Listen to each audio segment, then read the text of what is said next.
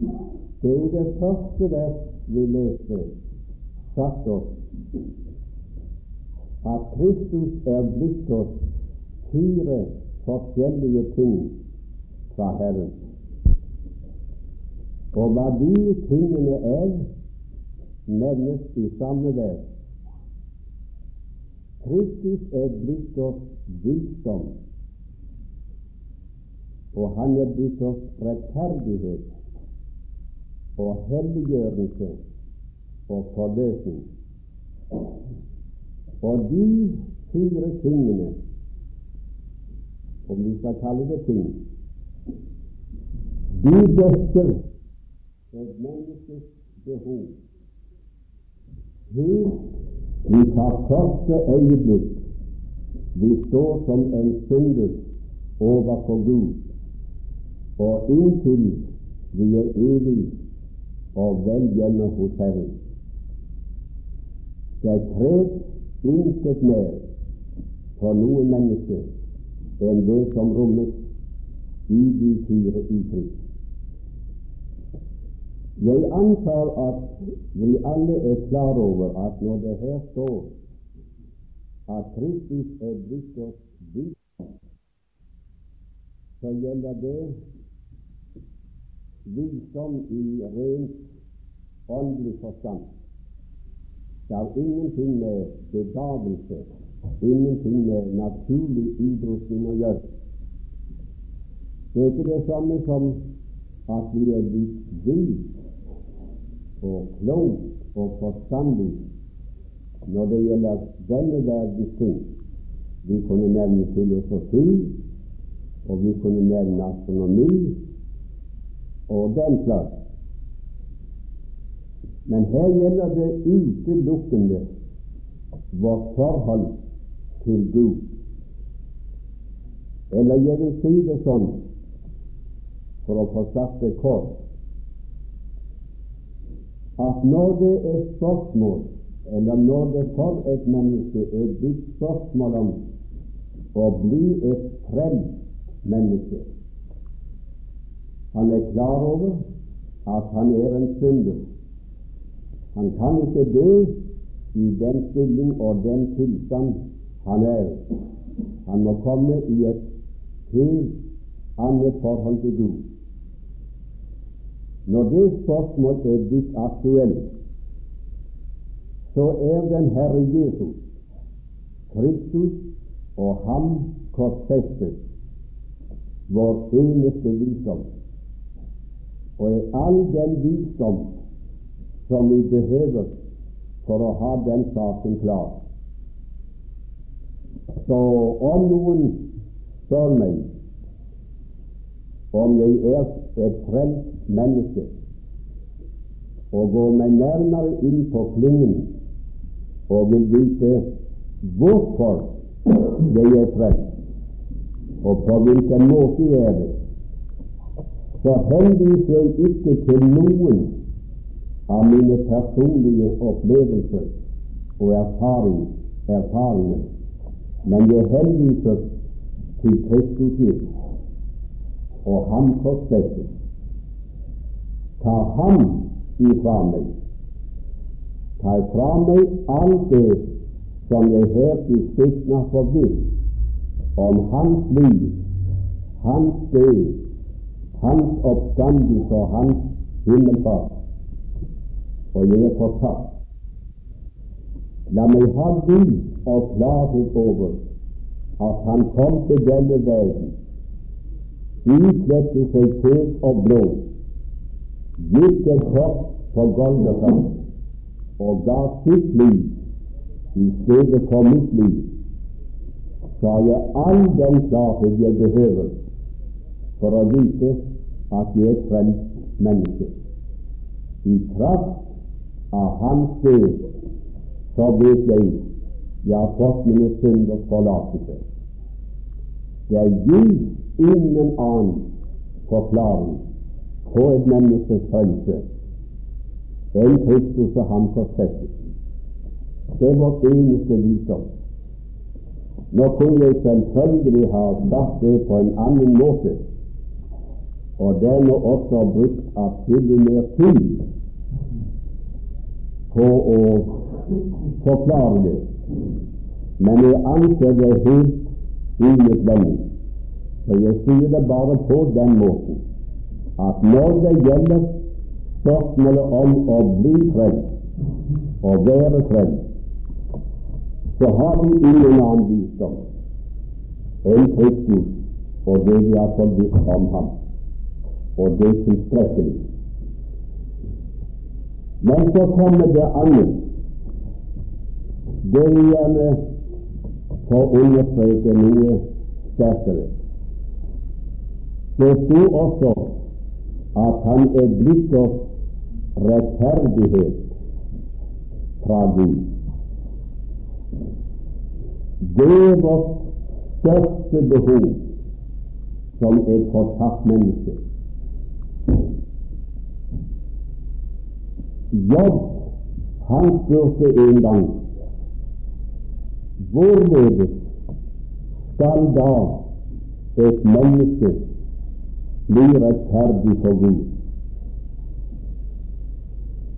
Hvorledes skal da et menneske bli rettferdig for Gud? Altså, hvis det forlanges så meget, og hvis du er så nøyeregnende, hvorledes kan da et menneske bli rettferdig for Gud? Så det er et gammelt spørsmål. Slik til Jobb den gangen, og slik har millioner av mennesker sett siden. Og hos mange brenner det spørsmål den dag i dag. Selv hos mennesker som har fortrodd sine synders forlatelse, kommer rett på det i tvil og villrede når det gjelder deres rettferdighet for Gud. Jeg vil gjerne ha sagt et par ord om det å være rettferdig. Rettferdig for Gud. Rent menneskelig snakker vi ofte om at den og den er rettferdig. Og med det mener vi intet annet enn at den og den person står i et slikt forhold til norsk borgerlig lov at han ikke kan anklages og påføres straff. En slik mann er rettferdig. Og det er akkurat det samme forhold åndelig når det gjelder vår stilling til Gud. Hvis jeg står i det forhold til ham at jeg ikke kan påføres meg straff og skyld, sier er rettferdig mann. Og så heter det her hvorledes skal et menneske kunne bli rettferdig for Gud? Hvordan kan en synder stå i skyld, ren og rettferdig, og som vi synger i en av sangene våre, himmelen verdig? Er det mulig? Ethvert menneske som, som er kristnet, som har fått kristendomskunnskap, Gud vet med seg selv selv om ikke spørsmålet har fått den samme makt over alle, at det er en sådan uskyld, en slik renhet, som vi behøver. Vi kan ikke leve og dø i den stilling og den tilstand vi er.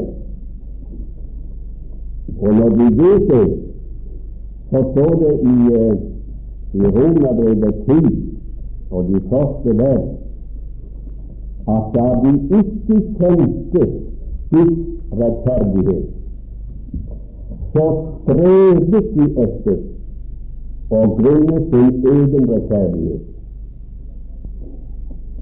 En rettferdighet må man ha. Nå må man skaffe på veie som man kan trøste seg til, noe som de skal ta hensyn til, og av den grunn fritar oss fra straff.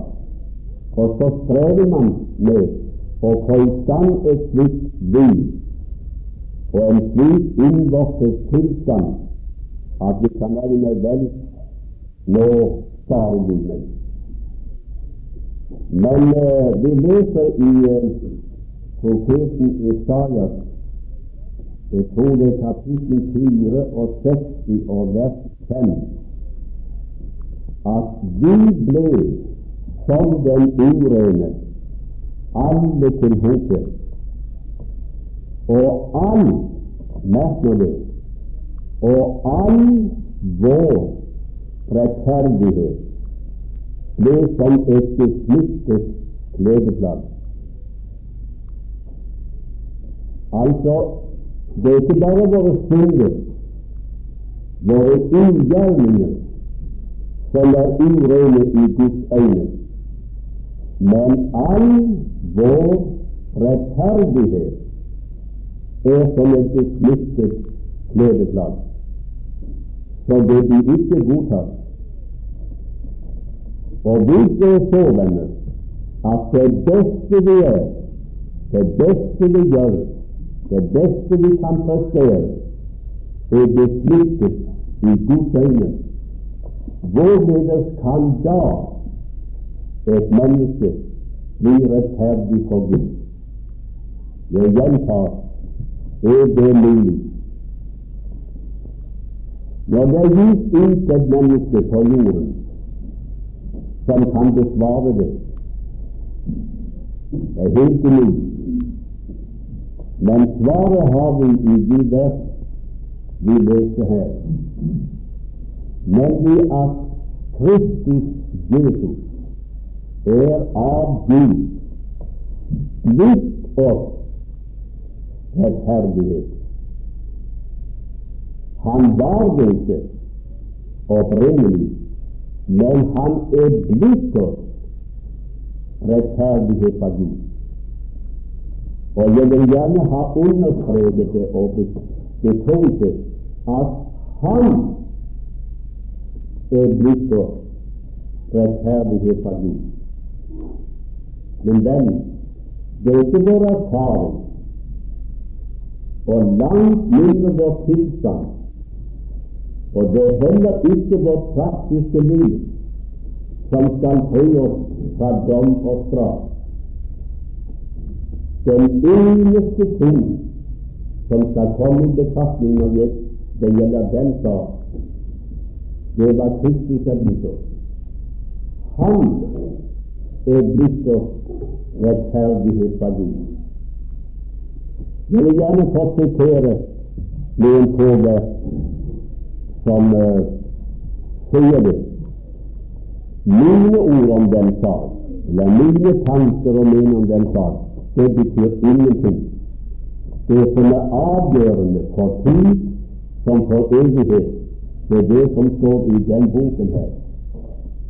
Og her står det i andre Korintiabrevet fem og vers 21.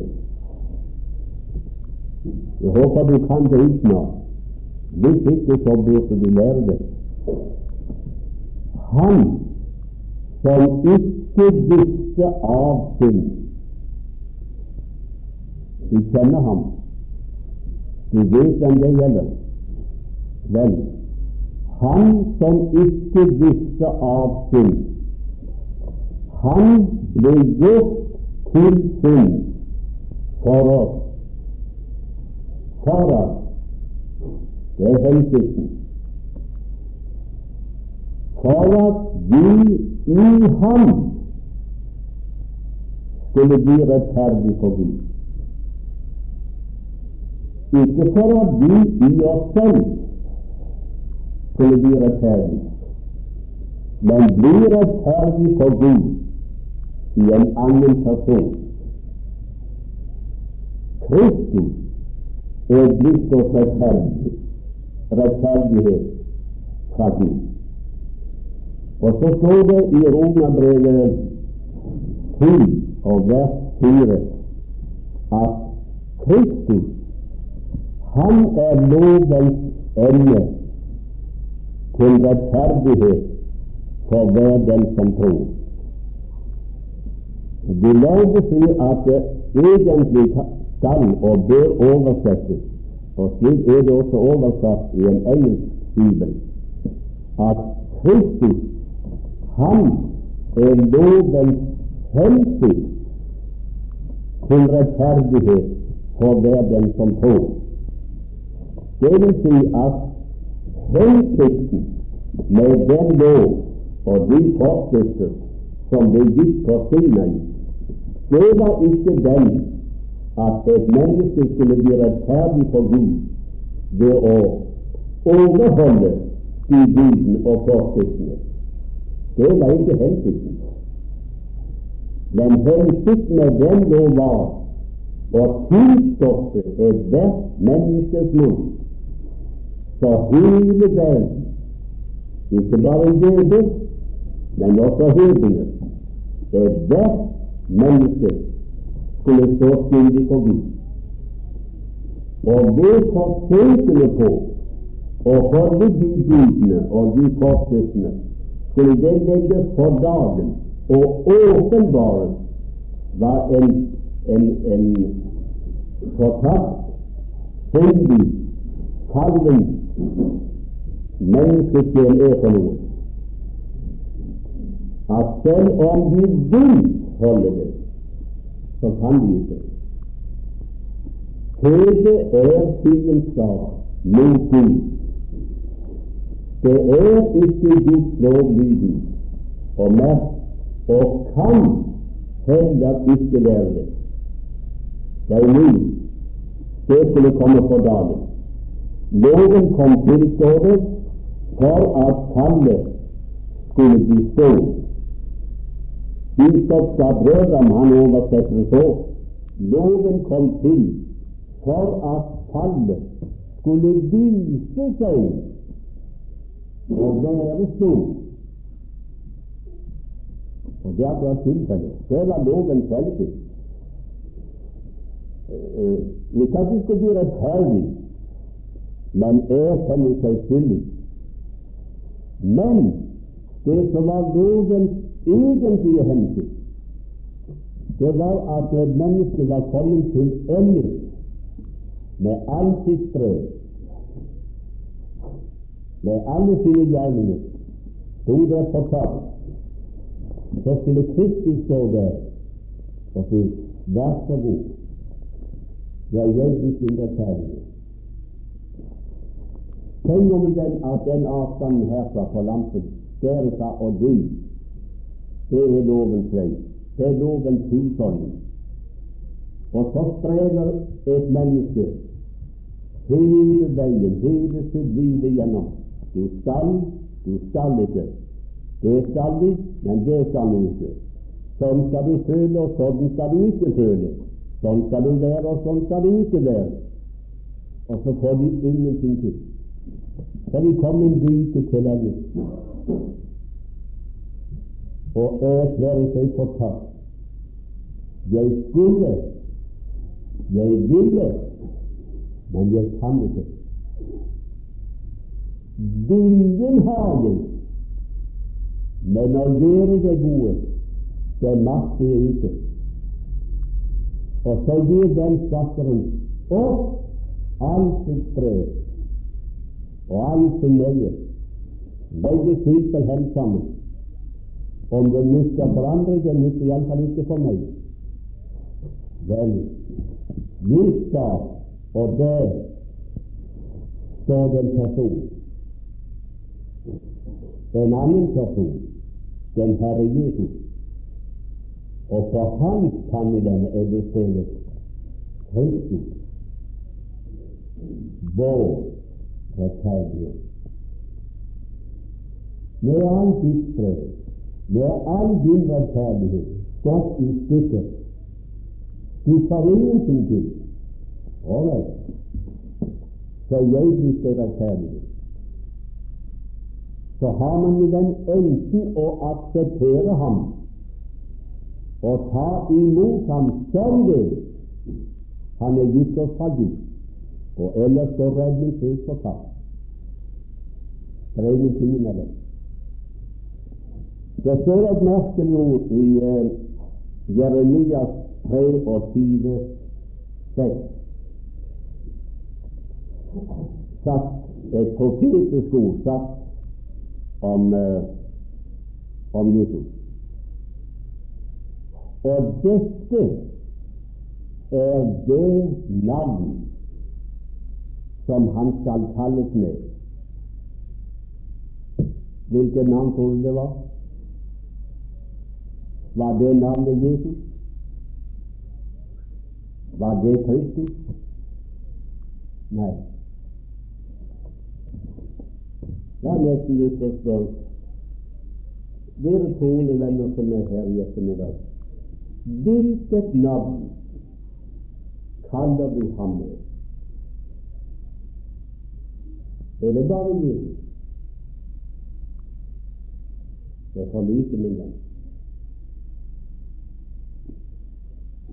Det er ikke for lite til å bli frelst og nå himmelen, men det er for lite, min til å skape full fred og full visshet i din sjel. Ja, det var det så. Og dette er det navnet som han skal kalles med. Herren vår rettferdighet.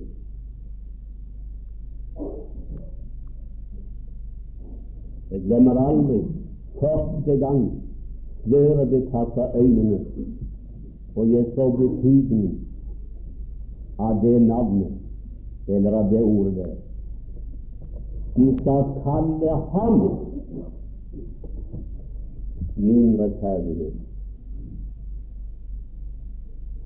Og venner hvor jeg strevet for å få i stand et liv, og ba Gud om å hjelpe meg til å bli og være slik, og få til et sådant liv, at jeg kunne kalle det for min rettferdighet. Men det lyktes aldri. Men så blir jeg valgt i en annen person enn min egen en som sitter ved Faderens høyre hånd, som kom fra himmelen, gikk veien om Golgata og tilbake til herligheten. Og han ble meg rettferdighet fra Gud. Og så kaller jeg ham for min rettferdighet. Så hvis du kommer og spør meg sådan privat, i all fortrolighet, tror du virkelig det, Bjørken, for, ramme alvor, at vi skal til himmelen? Jeg svarer ja. Det de regner altså med at vi skal gå fri straffen. Selvfølgelig. Ja, men hvordan kan vi det? er de bedre enn andre mennesker? Har vi fått det til å være sånn som du burde skulle være? Langt ifra meg. Jeg har ikke fått til noe ting. Ikke en eneste ting. Hva skal så frita deg i dommen fra all fordømmelse? Hvilken uskyld Hvilken ustraffelig har du? Å, min venn, jeg peker ikke på noe hos meg, men jeg peker på en mann i herligheten, der han er min rettferdighet. Han nyter all annet. La meg si det på den måten. Jeg har sikkert sagt det slik mange ganger, også her på Sørlandet, at om en var interessert i å kjenne min kristendom, eller det som vanligvis blir forstått med helliggjørelse, så vil det være hjelp i å ta en reise til Karmøya og til Åkerhavn og snakke med naboene mine, aller helst med familien, hvis du kunne bli fortrolig med dem og få den til å snakke ut av leveren. Og de kunne fortelle deg en hel del om min kristendom og min helliggjørelse, for det har de sett en god del av. Så det, det, det vil du få rede på det. Men om du derimot var interessert i å kjenne din rettferdighet, den utgift som skal frita meg fra dom og straff, så fins det ikke gagn å reise til Kamera. For min rettferdighet, godt folk, den har aldri vært i Åkerhavn.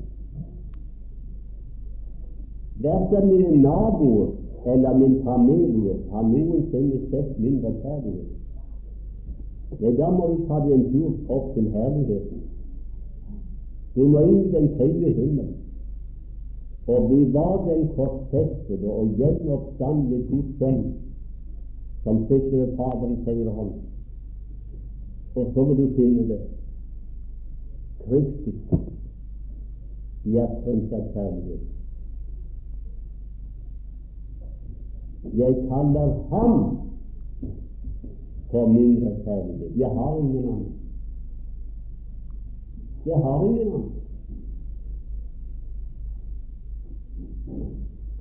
Men jeg har den, og den er tilstrekkelig, og den skal vise seg å være tilstrekkelig, og det er her å vise. Og det er alle de, eh, de troende menn jeg har møtt, som blander dette her sammen. Når de vil ha full visshet for at de er frelst, full sikre for at de står rettferdig for Gud, ren og rettferdig, himmelen verdig, hva gjør de så? så tar de seg selv i betraktning. Så de ser seg selv i speilet. Sådan har mitt liv vært denne uken, og forrige uke, forresten i flere år. Sådan tjener jeg. Slik er jeg på innsiden her. som bare Gud vet om. Og så finner man denne intet godt, intet rent, intet som kan være himmelen verdig. Tvert imot, alt fordømmer en, alt anklager en, og så faller man sånn. Hadde man da vært like bitte grann bedre enn man er, hadde anvendelsen vært noen grader bedre, hadde man trodd noe bedre, hadde man vært litt gladere, litt mer lydig, mer Gud innvidd, jeg vet ikke hva da, jo, da hadde de trodd. Da hadde de vært sikre. Da men de hadde trodd på seg selv og sin egen uskyld i stedet for å tro på ham. De skal kalle ham Herren vår rettferdighet. Har du lært å gjøre det, min venn, så er du trygg på det punkt.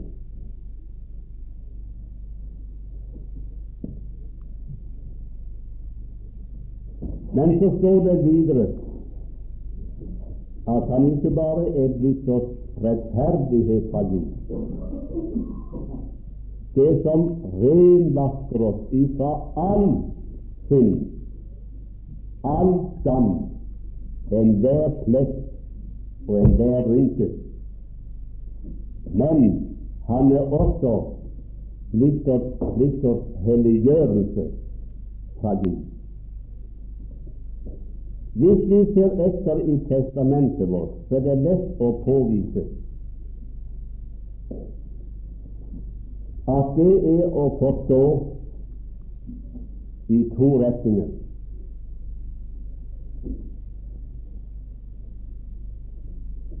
Han er for det første gitt oss vår helliggjørelse med hensyn til vår stilling når det gjelder vårt, vårt forhold til Gud.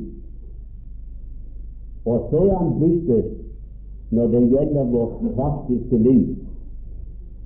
Og de to ting må vi holde klart fra hverandre. Jeg tror vi skal lese sammen noen vers fra Hebrevet 10. Og der kan vi lese bare ut av vers 7. Ja, nei, la oss ta fra vers 5. Derfor sier han i det han trer inn i verden og du kan selv lese de foregående vers og se hva ordet 'derfor' går tilbake på. Det er en bestemt grunn at han sa det da han trådte inn i verden.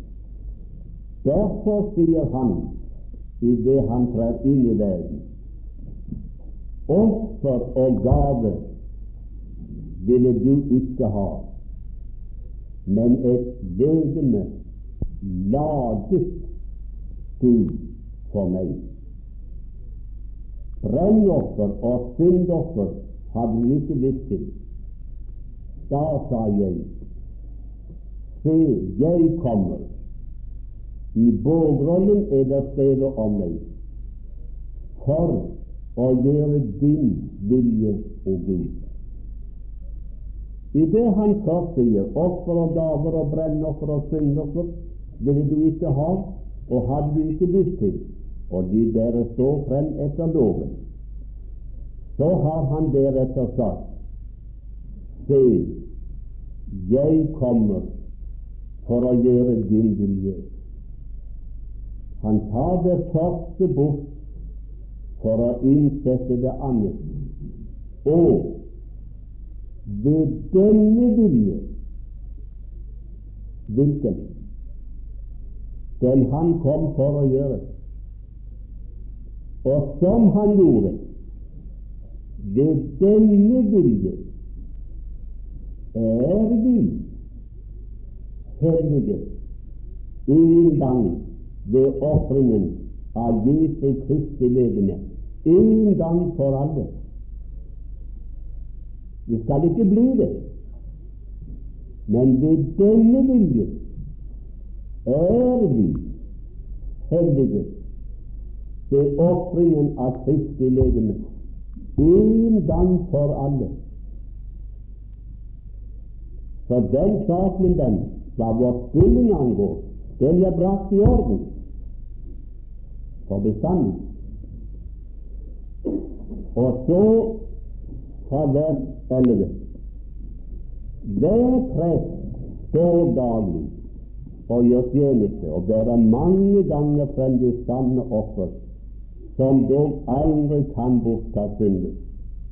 Men han har båret frem ett offer for synden, og har deretter for alltid satt seg ved Guds høyre hånd i det han jo bare venter på at hans syner skal legges til sammen for hans fødsel.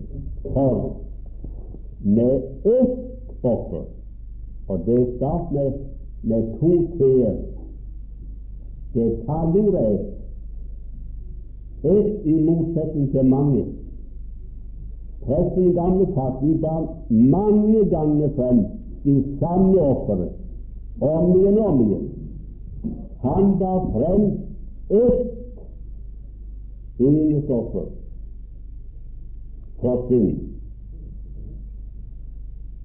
Og med det ene offer har han for alltid gjort den fullkomne som blir hellige.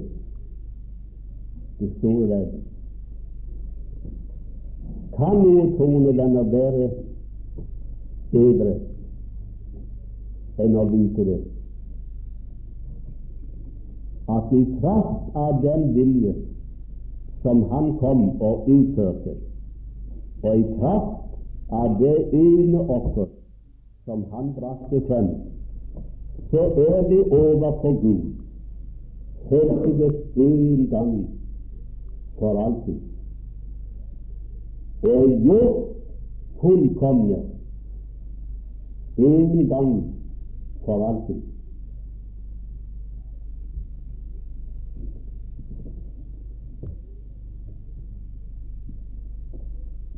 Jeg husker en gang for flere år tilbake. Jeg satt og leste de versene. Derfor sier han i det han trer inn i verden Han sa det ikke til mennesker, for han kunne ikke snakke som lite barn. Han mer enn de. Men som Gud sa han det i sin sjel. Se, jeg kommer for å gjøre din vilje. Og som jeg satt og leste det, så var akkurat som jeg så for meg en stor, veldig scene, plattform. Og på den så jeg hele menneskeslekten. Og mellom dem fant jeg meg selv. Og jeg så alle sammen famlende og strevende for å gjøre Guds vilje. Men de kom til kort. De sovnet ikke. Og den som kanskje mer minst av alle hadde klart det, det var meg selv. Gud hadde satt på sin kone og sett ned på menneskenes barn. Han så aldri før, men der fantes ikke én rettferdig, ikke én som gjorde godt.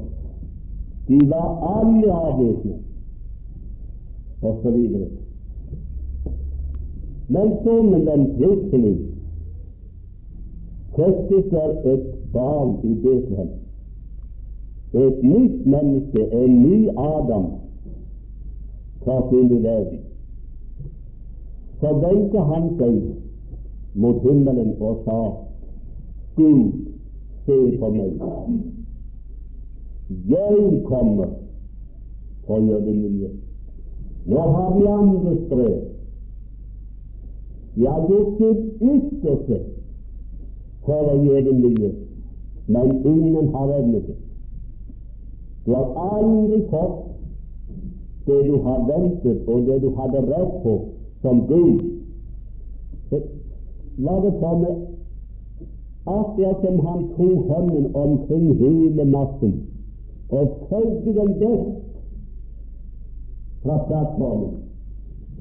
Og så stilte han seg selv i klassen og tok kanskje himmelens oppmerksomhet på seg selv og sa se, her kommer jeg for å gjøre din vilje. Og så sa han om igjen og om igjen under store liv Jeg er ikke kommet ned fra himmelen for å gjøre min vilje, men hans vilje som har sendt meg.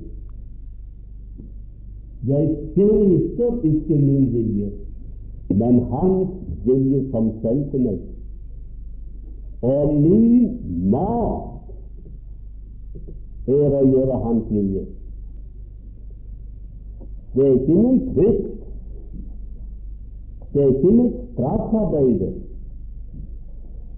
Er ikke fordi jeg må gjøre det. Nei, men den, det er min mat, min tilfredsstillelse, å gjøre Hans vilje. Han vil ikke be meg om å gjøre det, for hele mitt vesen er slik jeg til Hans vilje. Og det med hele hans liv. Og straks før han la seg nagge til et kors, ser han opp mot himmelen, og så sier han, Å, Fader, herliggjør meg nå hos deg med den herlighet jeg hadde hos deg før verden var. For nå har jeg fullbyrdet den gjerning som du ga meg å gjøre.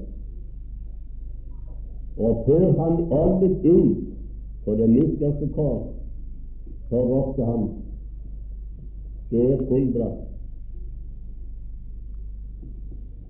Og så kommer Den hellige ånd og sier at ved denne vilje, som det nye, friske mennesket, den siste Adam, gjorde, ved denne vilje er vi hellige en gang for alltid. Kan du se det med deg?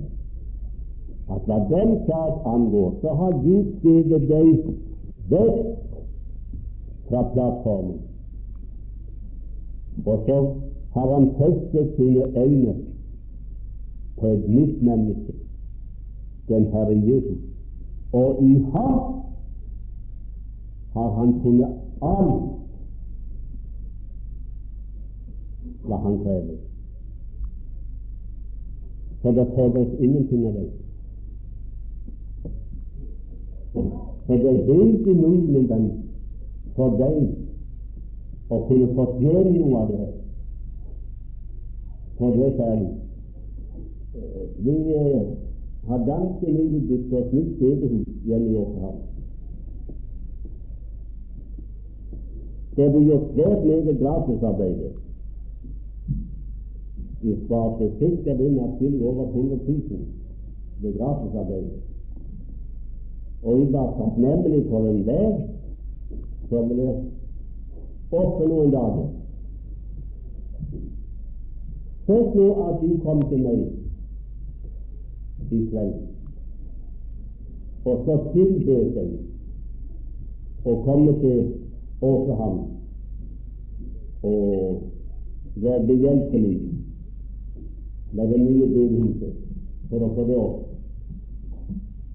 Hva så? Jeg må bare si Jeg takker for tilbudet, men jeg kan ikke ta imot det. For vi er for sent ute. For nå er ferdig. Det er ferdig. Du er velkommen, så til ham. Og du kan få lov å komme inn og sette deg og høre ditt ord der. Men du kan ikke få, få gjort noe for å få huset opp. For det er du. For det er orden. Men den du er født et par tusen år for sent for å kunne gjøre den minste ting som skal stille i gunst hos Gud. Det var fullbrakt, for du var født. Da det ennå lå som en tanke, en uformet tanke, i Guds råd, så var din frelse fullbrakt i Kristus Jesus. Og så kommer Gud ved evangeliet, og så forkynner det det, og tilbyr deg den frelse som en gave. Så da tar lykken med tall. Og så tilfaller det ingen ro på ditt navn. Og her står det slik av ham, ikke av dere selv, men av Gud, er dere Kristus. Vel, dere er i han si til de kone. Det er greit, men eh, det kan du ikke takke deg selv for. Av Gud er dere i Kristus Jesus. Og Han er blitt oss visdom fra Gud og rettferdighet og helliggjørelse og forløsning. For at Hvorfor? For at den som roser seg, han skal rose seg i Herren. denne, vi får alle lov å ta oss selv i hånden og takke oss for at vi var flink og flink jente, og så gjorde det vi skulle. Og gjorde noe som oss ro, yndet og ære hos Gud. Ingenting. De har fått det hele av Gud som en gave i en annen person. Så får vi ta den stammen på oss lenger og si ikke bare blir jeg frelst, men føye til det for Jesus skyld. Jeg blitt her i vårt land mange steder, og jeg har fortalt det og satt det utenfor vårt lands grenser at de er frelst, og jeg skal til himmelen. Jeg sagt det blant fremmede, og jeg sagt det blant frelste, og jeg sagt det overfor min egen familie. Men, godt folk, jeg har ennå aldri sagt at jeg blir frelst og skal til himmelen uten jeg har født til fra Jesus til. Jeg er frelst av nåde. Ingen kan takke meg for det. Æren, den er hans. Våren, den er lukket ute. Når det var den første siden av saken. Men så gjelder det også den praktiske. Det står i 2. Korintiabrevet 7 og første vers. Men slår det opp, så vil du se at det første vers av kapittel 7 det er satt inn som det siste vers av kapittel 6. Og det lyder Ettersom vi da har disse løfter, mine elskede, så la oss rense oss fra all urenhet for kjød og ånd, og fullende vår helliggjørelse i Guds frykt. I Hebreerbrevet der leser vi at vi er helliget en gang for alltid ved ofringen av Kristi legeme. Men her leser vi om å fullende vår helliggjørelse, og det skal vi sørge for selv. La oss derfor, skal vi ha slike løfter, fullende vår helliggjørelse i Guds frykt. Med hensyn til vår stilling så er vi heldigvis en gang for alle. Der er saken avsluttet, brakt i orden for godt. Men med hensyn til vår praktiske liv, vår daglige vandring i verden, så er vår helligelse bare påbegynt. Hos noen er den skritt lenger frem enn hos andre, og omvendt. Men den har bare tatt sin begynnelse, men skal fortsette så lenge vi er i denne verden.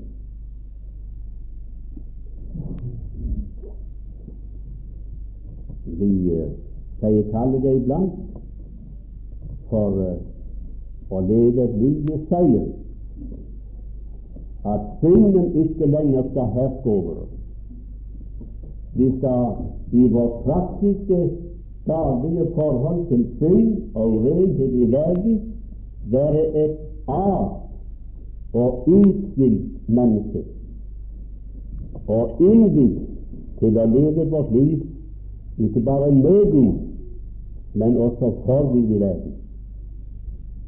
Og det er den praktiske, daglige ut- og avskillelse fra synd og virkelighet og virkelige forhold som skal pågå så lenge vi er her. Og den vil pågå så lenge vi er her. Men det som er det vanskelige for oss, det er spørsmålet om hvordan skal vi kunne det? Hvordan skal vi kunne utskille? Og hvordan skal vi kunne leve et liv i seier og større seier? Jo, men vel, også der er Kristus Kristisk helliggjørelse. Kraften til å leve et Gud velbehagelig liv i denne verden, den ligger i ham. Ikke i vårt eget strev, ikke å stikke i hendene og ta oss sammen. Nå skal det bli annerledes. Nei, men venn. Men her sto La oss fullende vår helliggjørelse i Guds frykt. I Guds frykt. Den er jo, jo mer fortrolig og jo nærmere vi lever Herren og pleier samfunnet med Ham i Hans ord og i bønn, jo mer vil vårt liv preges av det samfunnet. Det er det indre liv hos oss som bestemmer vår, vår innvortes vandring.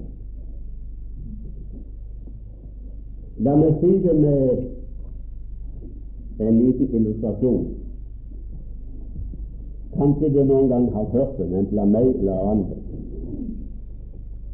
Men det var en smågutt som hadde fått som gave en klokke, et lommeur, og den var han veldig glad i. Han var ikke eldre enn han så vidt klarte å, å avlese tid på stilen. Men det var ikke akkurat det som interesserte ham mest. Men det var visene som gikk dro. Den, den kniven den så han på om dagen rett som det var, og den tok han med seg på senga når han la seg, og så på de viserne, helt den lille sekundviseren, for den gikk så fort at det ble noen dager og så på den inntil han falt i søvn. Og det var det første han så på når han våkna om morgenen. Nå vel. Men så en dag der sto det stille. Det var ingen viser som vi dro. Man kan ikke begripe det. Men så fikk han av lokket, glasset, og så brukte han pinnen og skrev det. Og da gikk det. Men med en gang han holdt opp og ikke påvirket den mer, så sto det ganske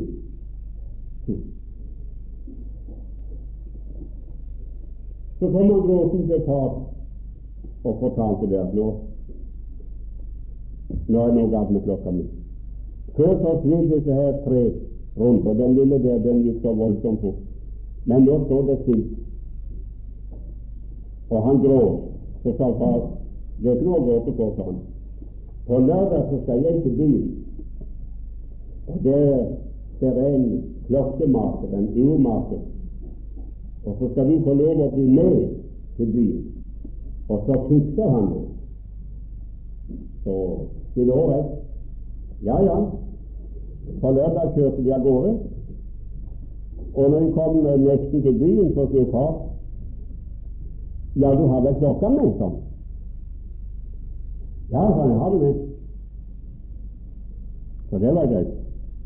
Ja, far la ikke noe brett på hvert enkelt uttrykk, så han trodde det var i orden. Han sa ikke 'jeg har den med', men han sa 'jeg har det med'. Men det la ikke far merke til. Så kom intervjumakeren og forklarte hva så var i veien.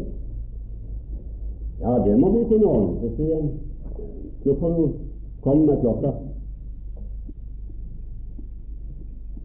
Så tok gutten opp fra lommen et lite papir som var krullet sammen, og leverte det. Nei, det er klokka. Jeg har det her. Jeg har det her. Det er ikke klokka, det. Nei, men det er viserne, sa han. vi som stilt. Så han tar da viseren sin. Og så var det galt med liv. Så så urmakeren på viserne. Jeg er litt mitt. det er i orden med viserne. Så, så vi kan ikke gjøre noe med det.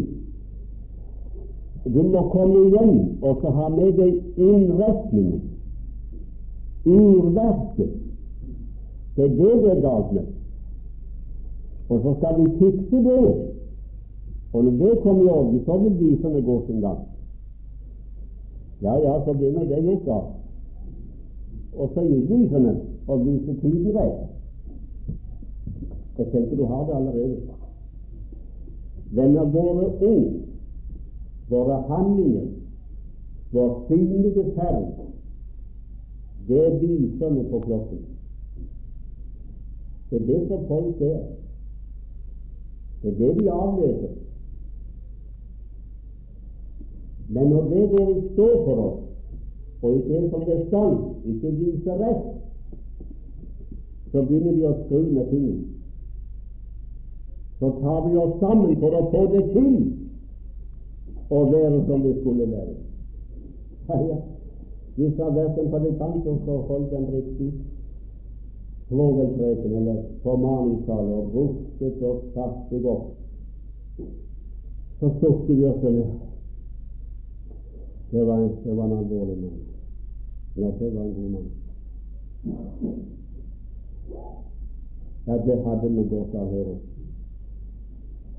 Det skulle vært flere folk i kveld som hørte dette her.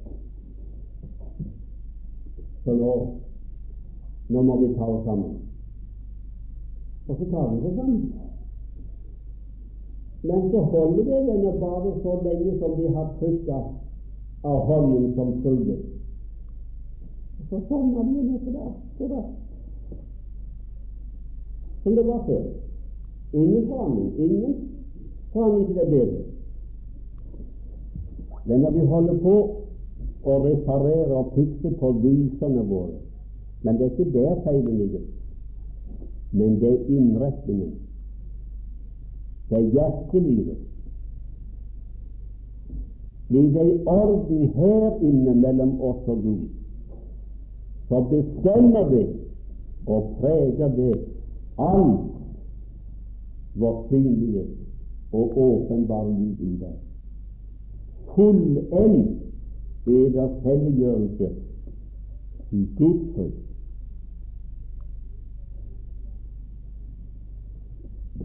Jeg tenker å forstå det uten noen nærmere forklaring. Du husker at det står om Moses i annen Mosebok, og det er gjentatt i andre Korintene 3, at da han var oppe på fjellet, og Gud ga ham bildene av tabernaklet. Og de nye tavlene, så står det at da han kom ned av fjellet, så visste ikke Moses at hans ansikt skinte. Hans ansikt lyste og skinte derav at han hadde tatt seg i sammen på fjellet. Han hadde resonnert og så ja, ja, nå vet folk at jeg gikk opp her. Gud kalte meg opp. Nå har jeg vært i ditt nærhet alt i alt 80 døgn. Så når jeg nå kommer ned, så må jeg se til at folk får merke det. Og så fikk han det til og stråla ansiktet. Nei, den hadde stått ikke det. Men det står Han visste ikke at hans ansiktstid svinnet. Derav at Herren hadde tatt med ham. Hvis han hadde strevd for å få det til å lyse, så hadde han blitt om det. Men det tenkte han ikke på. Han tenkte ikke på hva han skulle og måtte være når han kom ut. Han sinn var bare opptatt med det han hadde hørt og sett i Guds nærhet. Og det avstøyte seg. Og vi som er utildekket årsin skriver Hans herlighet, de blir alle forvandlet etter det samme bildet. Det gjelder for oss åndelig, akkurat som det naturlig gjaldt for ham da han kom i april. Men det får være nok. Så bare et par ord om det siste, at han også er blitt oss forløsning.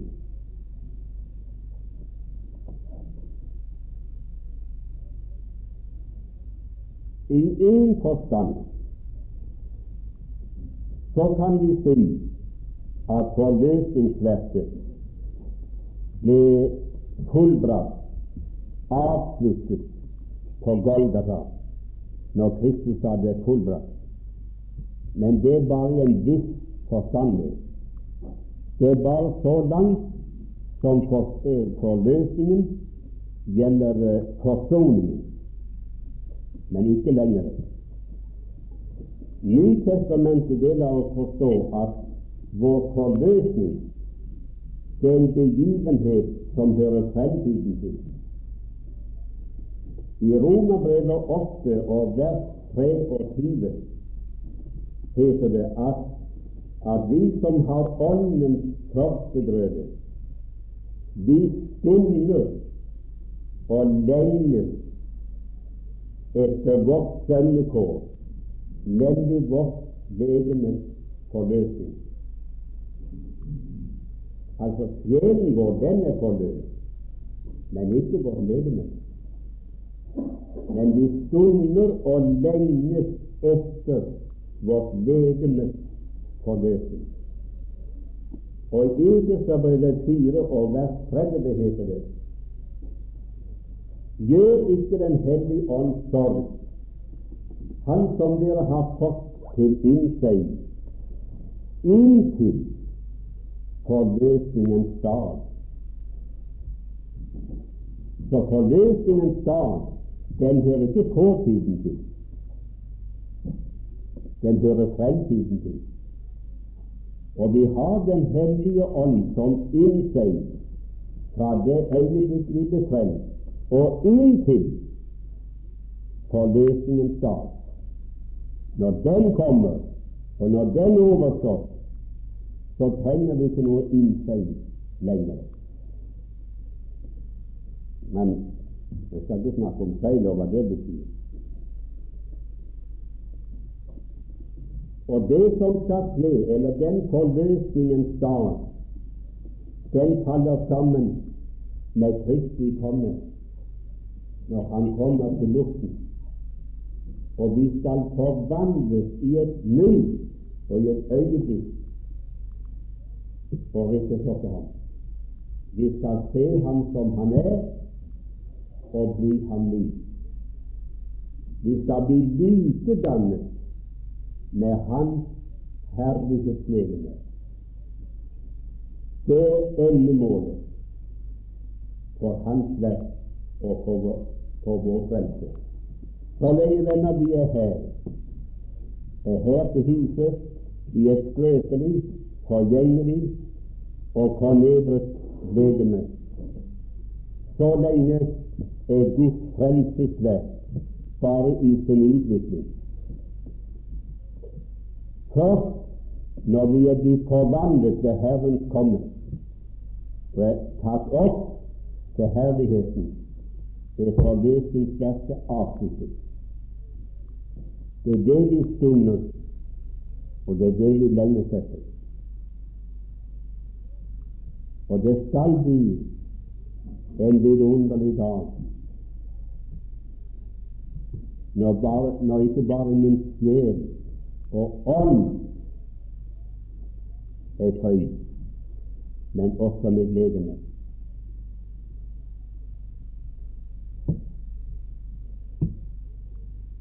Tenk nå en gang jeg uten synd skal leve. Det skal ikke være det skal ikke engang være mulighet for en syndig gutt. Men alt i meg, i min egen person, skal være likedannet med ham. Da da, folk, skal vi slippe å tro oss selv. Da kan vi føle oss selv. Nå er det mulig å føle seg selv. Det er bare en annen gang vi kan ha noen følelser og stemninger som vi nærmest må tro vi er selv. Men som regel så protesterer alt det vi føler, alt det vi er. Men av det som er sagt oss i den boken der om Guds frelse i Kristus Jesus, så tror vi oss selv. Kan ikke se oss selv, og ikke føle oss selv, men vi tror oss selv. Men i selvsamme øyeblikk han er kommet til luften, og vi er nå forvandlet til likhet med Hans herlighetslegeme, svikter vi å tro. Og da går vi over til å leve i beskuelse.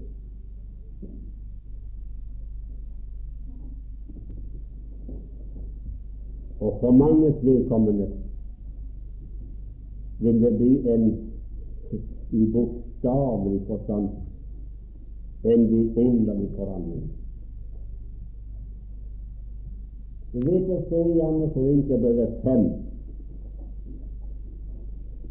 at vi vet at om vårt jordiske legeme hus nedbrytes. I en annen oversetning så kalles det vår jordiske legemes hytte. Og i en oversetning har jeg sett det gjelder med en rønne. En sånn gammel, falleferdig rønne. Når vårt legemes jordiske hyttehus nedbrytes, så skal vi overkle med en bolig. På engelsk står det uh, ikke en bolig, men nærmest et slott. Et slott, et kongelig palass. Så har vi et palass innbygd i himlene som ikke er gjort med hender. Og for mange mennesker er det slik i verden, mange troende mennesker, at de, de lever i en, i en uh, nokså skrøpelig hytte.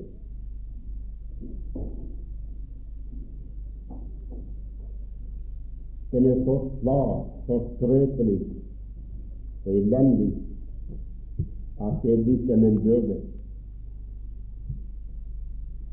Det skal bli kø bak denne og føl var godt, og så flytte ut av rønnen, hytten, og så inn i et guddommelig, kongelig palass, et himmellegeme. Det blir noe annet. Og det er en del av vårt håp, og det stunder vi og lenge etter. Og meget tyder på at den stunden skal nærme seg raskt når Herren skal komme igjen, og de troende i samme flokk skal reise igjen. Ingen kan si at Kristi kommer mens vi lever. For det er ingen som vet. Tid og stund og time har han selvsagt ingen av oss ved. Vi har bare løftet at han skal komme. Han skal komme snart, og formaningen at vi skal se til å være rede. Men ingen kan heller si at han ikke kommer i vår levetid. Vi er like like begge deler. Men så mange ting i verden av det som skjer, sammenholdt med det profetiske ord, det tyder meget sterkt på at det kan bli den slekt som lever i dag, som skal oppleve det. Så ikke må si at jeg sa at det blir denne slekt Jeg sa bare det kan bli. Og ingen skulle være mer glad for at det blir denne slekt, og blir mens jeg lever. Jeg har lyst til å gå til himmelen, men jeg har slett ikke lyst til å gå veien om kirkegården. Og kommer Herren i luften, så slipper jeg det. Så blir jeg forvandlet i et nu og i et øyeblikk. Jeg har en uh, venn som er predikant. Han er nokså slagferdig. Så har det hendt noen ganger når han har bodd i et hjem Så Når han skal reise, så har det stått om Unnskyld, vi har vel ikke et fotografi? Vi kan få et bilde til minne om det. Nei, sa han, vil har det. Nei, men uh, vi ville sette pris på om vi ville huske på med den skyggen og når vi fotograferer det. Ja, det kan ikke love det, sier for det kommer ikke til å bli det. Jeg får ikke noe bilde av det, for det er ikke noe å ha på kommoden eller på veggen eller på bordet. Vent til han tidsforfrihet. Da blir det noe å se på. For da er vi forvandlet. Hvis det da var mulig å la seg fotografere, så kunne du fått et bilde av ham. Men nå får du ingenting. Det er hans syn på det. Jeg tror mannen har rett. Vi stunger og vi lengtes etter vårt sønnekår. Vi setter å bli barn, og det er vi, men Guds barns kår, som vi skal leve under de har vi gjennom oss. Og de får vi først når Han åpenbarer. Så signer Gud oss til at iallfall noe av det som er sagt, kunne bidra til å holde de fire tingene klare for oss. Han er gitt oss visdom vi har ingen annen forklaring enn han på å være frelst. Han er blitt oss rettferdighet.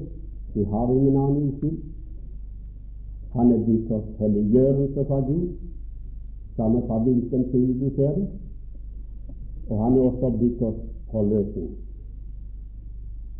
Så hvis det synes det er gåtefullt, min venn, og tvilsomt at en som deg, under de forhold som du nå lever, skal kunne komme deg herifra og til herligheten i forvandlet stand, så ikke, min venn, Kristus er blitt deg forløsning.